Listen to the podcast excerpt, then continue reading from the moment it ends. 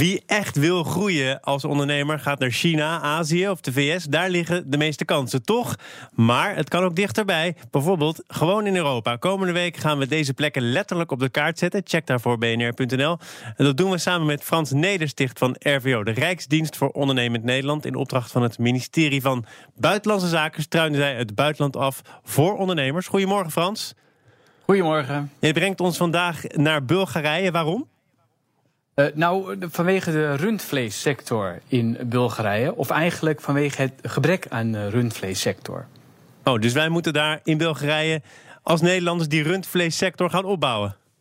Uh, ja, zo zou je het eigenlijk wel kunnen zeggen. De, ik zal even een beetje schetsen Bulgarije. is ongeveer eh, drie keer zo groot als Nederland. Uh, eh, 7 miljoen inwoners.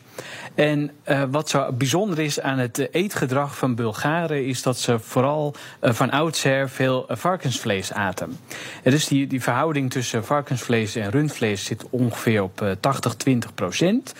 Um, maar die 20 procent rundvlees... dat, waren, dat, dat waren voorheen altijd de eigen melkkoeien die dan geslacht werden... Uh, of, uh, of uh, rundvleesproducten, of diepgevroren, die uit het buitenland werden geëxporteerd. En wat je de laatste tijd ziet, is dat, is dat er veel meer vers rundvlees ook uit het buitenland gehaald wordt. Ja, ik wil verder niet vervelend zijn over hoe dat kan gaan met vlees hoor. Maar kan het zijn dat er soms tussen dat rundvlees ook wat paardenvlees zit. Want dat hebben we de afgelopen jaren natuurlijk ook gezien. Hè? Vleesschandalen, deels afkomstig uit Oost-Europa. Daar heeft Bulgarije dus geen last van. Nou, dat weet ik niet. Zou je die Bulgaren moeten vragen. maar maar wat, wat eigenlijk twee dingen zijn. dat, dat ze daar dus uh, veel diepgevroren vlees importeerden. En, uh, en, bovendien, die, die koeien die ze dan zelf gingen slachten... dat is allemaal melkvee. Dus eigenlijk niet zo geschikt voor rundvleesconsumptie. Um, en uh, bovendien, het, graslanden die, daar, die je daar hebt, uh, zijn ook van wat inferieure kwaliteit. We kennen allemaal de plaatjes van de, de, de Aberdeen Angus, die in een prachtige groene weide grazen en dat soort dingen. Nou, dat heb je in Bulgarije allemaal nog niet. Um, he, dus, dus er zit enorm veel potentie om, om die sector te verbeteren. En, en dat is natuurlijk ook heel interessant, ze willen ook meer. Uh, omdat uh, als je kijkt naar vers uh, rundvlees, hè, dus echt goede kwaliteit rundvlees. en de consumptie van, van, dat, van dat vlees. dan zien we de afgelopen jaren een enorme stijging. In 2011 ehm, hadden, het nog, hadden we het nog over 147.000 kilo uh, geïmporteerd rundvlees hè, van hoge kwaliteit. Maar inmiddels uh, zijn rundvleesproducten zijn niet meer weg te slaan op de, de kookprogramma's, opleidingen, dat soort dingen. En dus we gingen van 147.000 kilo geïmporteerd vlees in 2011 uh, naar 3,8 miljoen in 2014. En dat, en dat groeit nog steeds. En dat zit met name in die, in die verse, verse ja. rundvleesproducten. En daar liggen dus ook mogelijkheden voor Nederlanders, Nederlandse bedrijven, want Nederlanders zijn goed in vleesverwerking. Ja, absoluut. In Nederland is de, de Nederlandse de rundvleessector al op een, op een enorm hoog niveau. Dus er zit, er zit enorm marktpotentieel in voor Nederlandse ondernemers. Dan moet je niet alleen denken aan uh, slachthuizen, handelaars, maar ook bijvoorbeeld hè, uh, graszaadveredelaars voor, voor beter gras, uh, fokstieren. Uh, uh, het verwerken van vers vlees, vleesproducten, voedselveiligheid, verpakkingen, opslag, logistiek.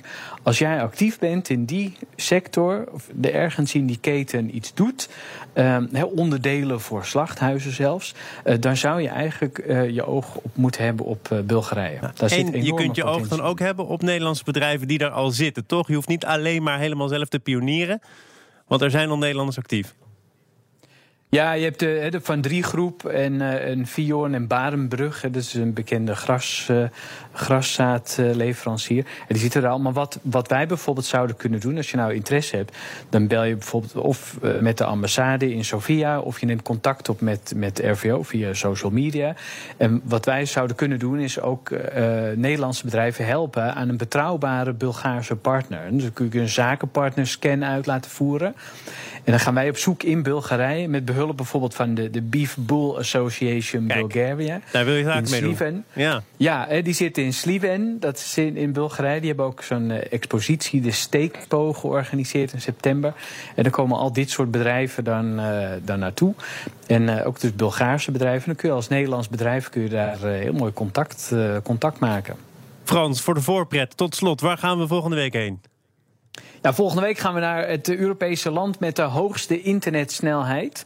Um, dat zijn we toch zelf? Dus, uh, nee, dat is uh, Litouwen. Oké. En uh, Lita ja, je, je, verwacht het niet, hè? Nee. En, maar het is Litouwen, hoogste internetsnelheid van Europa. En we gaan daar volgende week praten over ICT-startups. En wat het voor Nederlandse ICT-startups zou kunnen betekenen. Ik verheug me erop. Dankjewel, Frans Nedersticht van de RVO.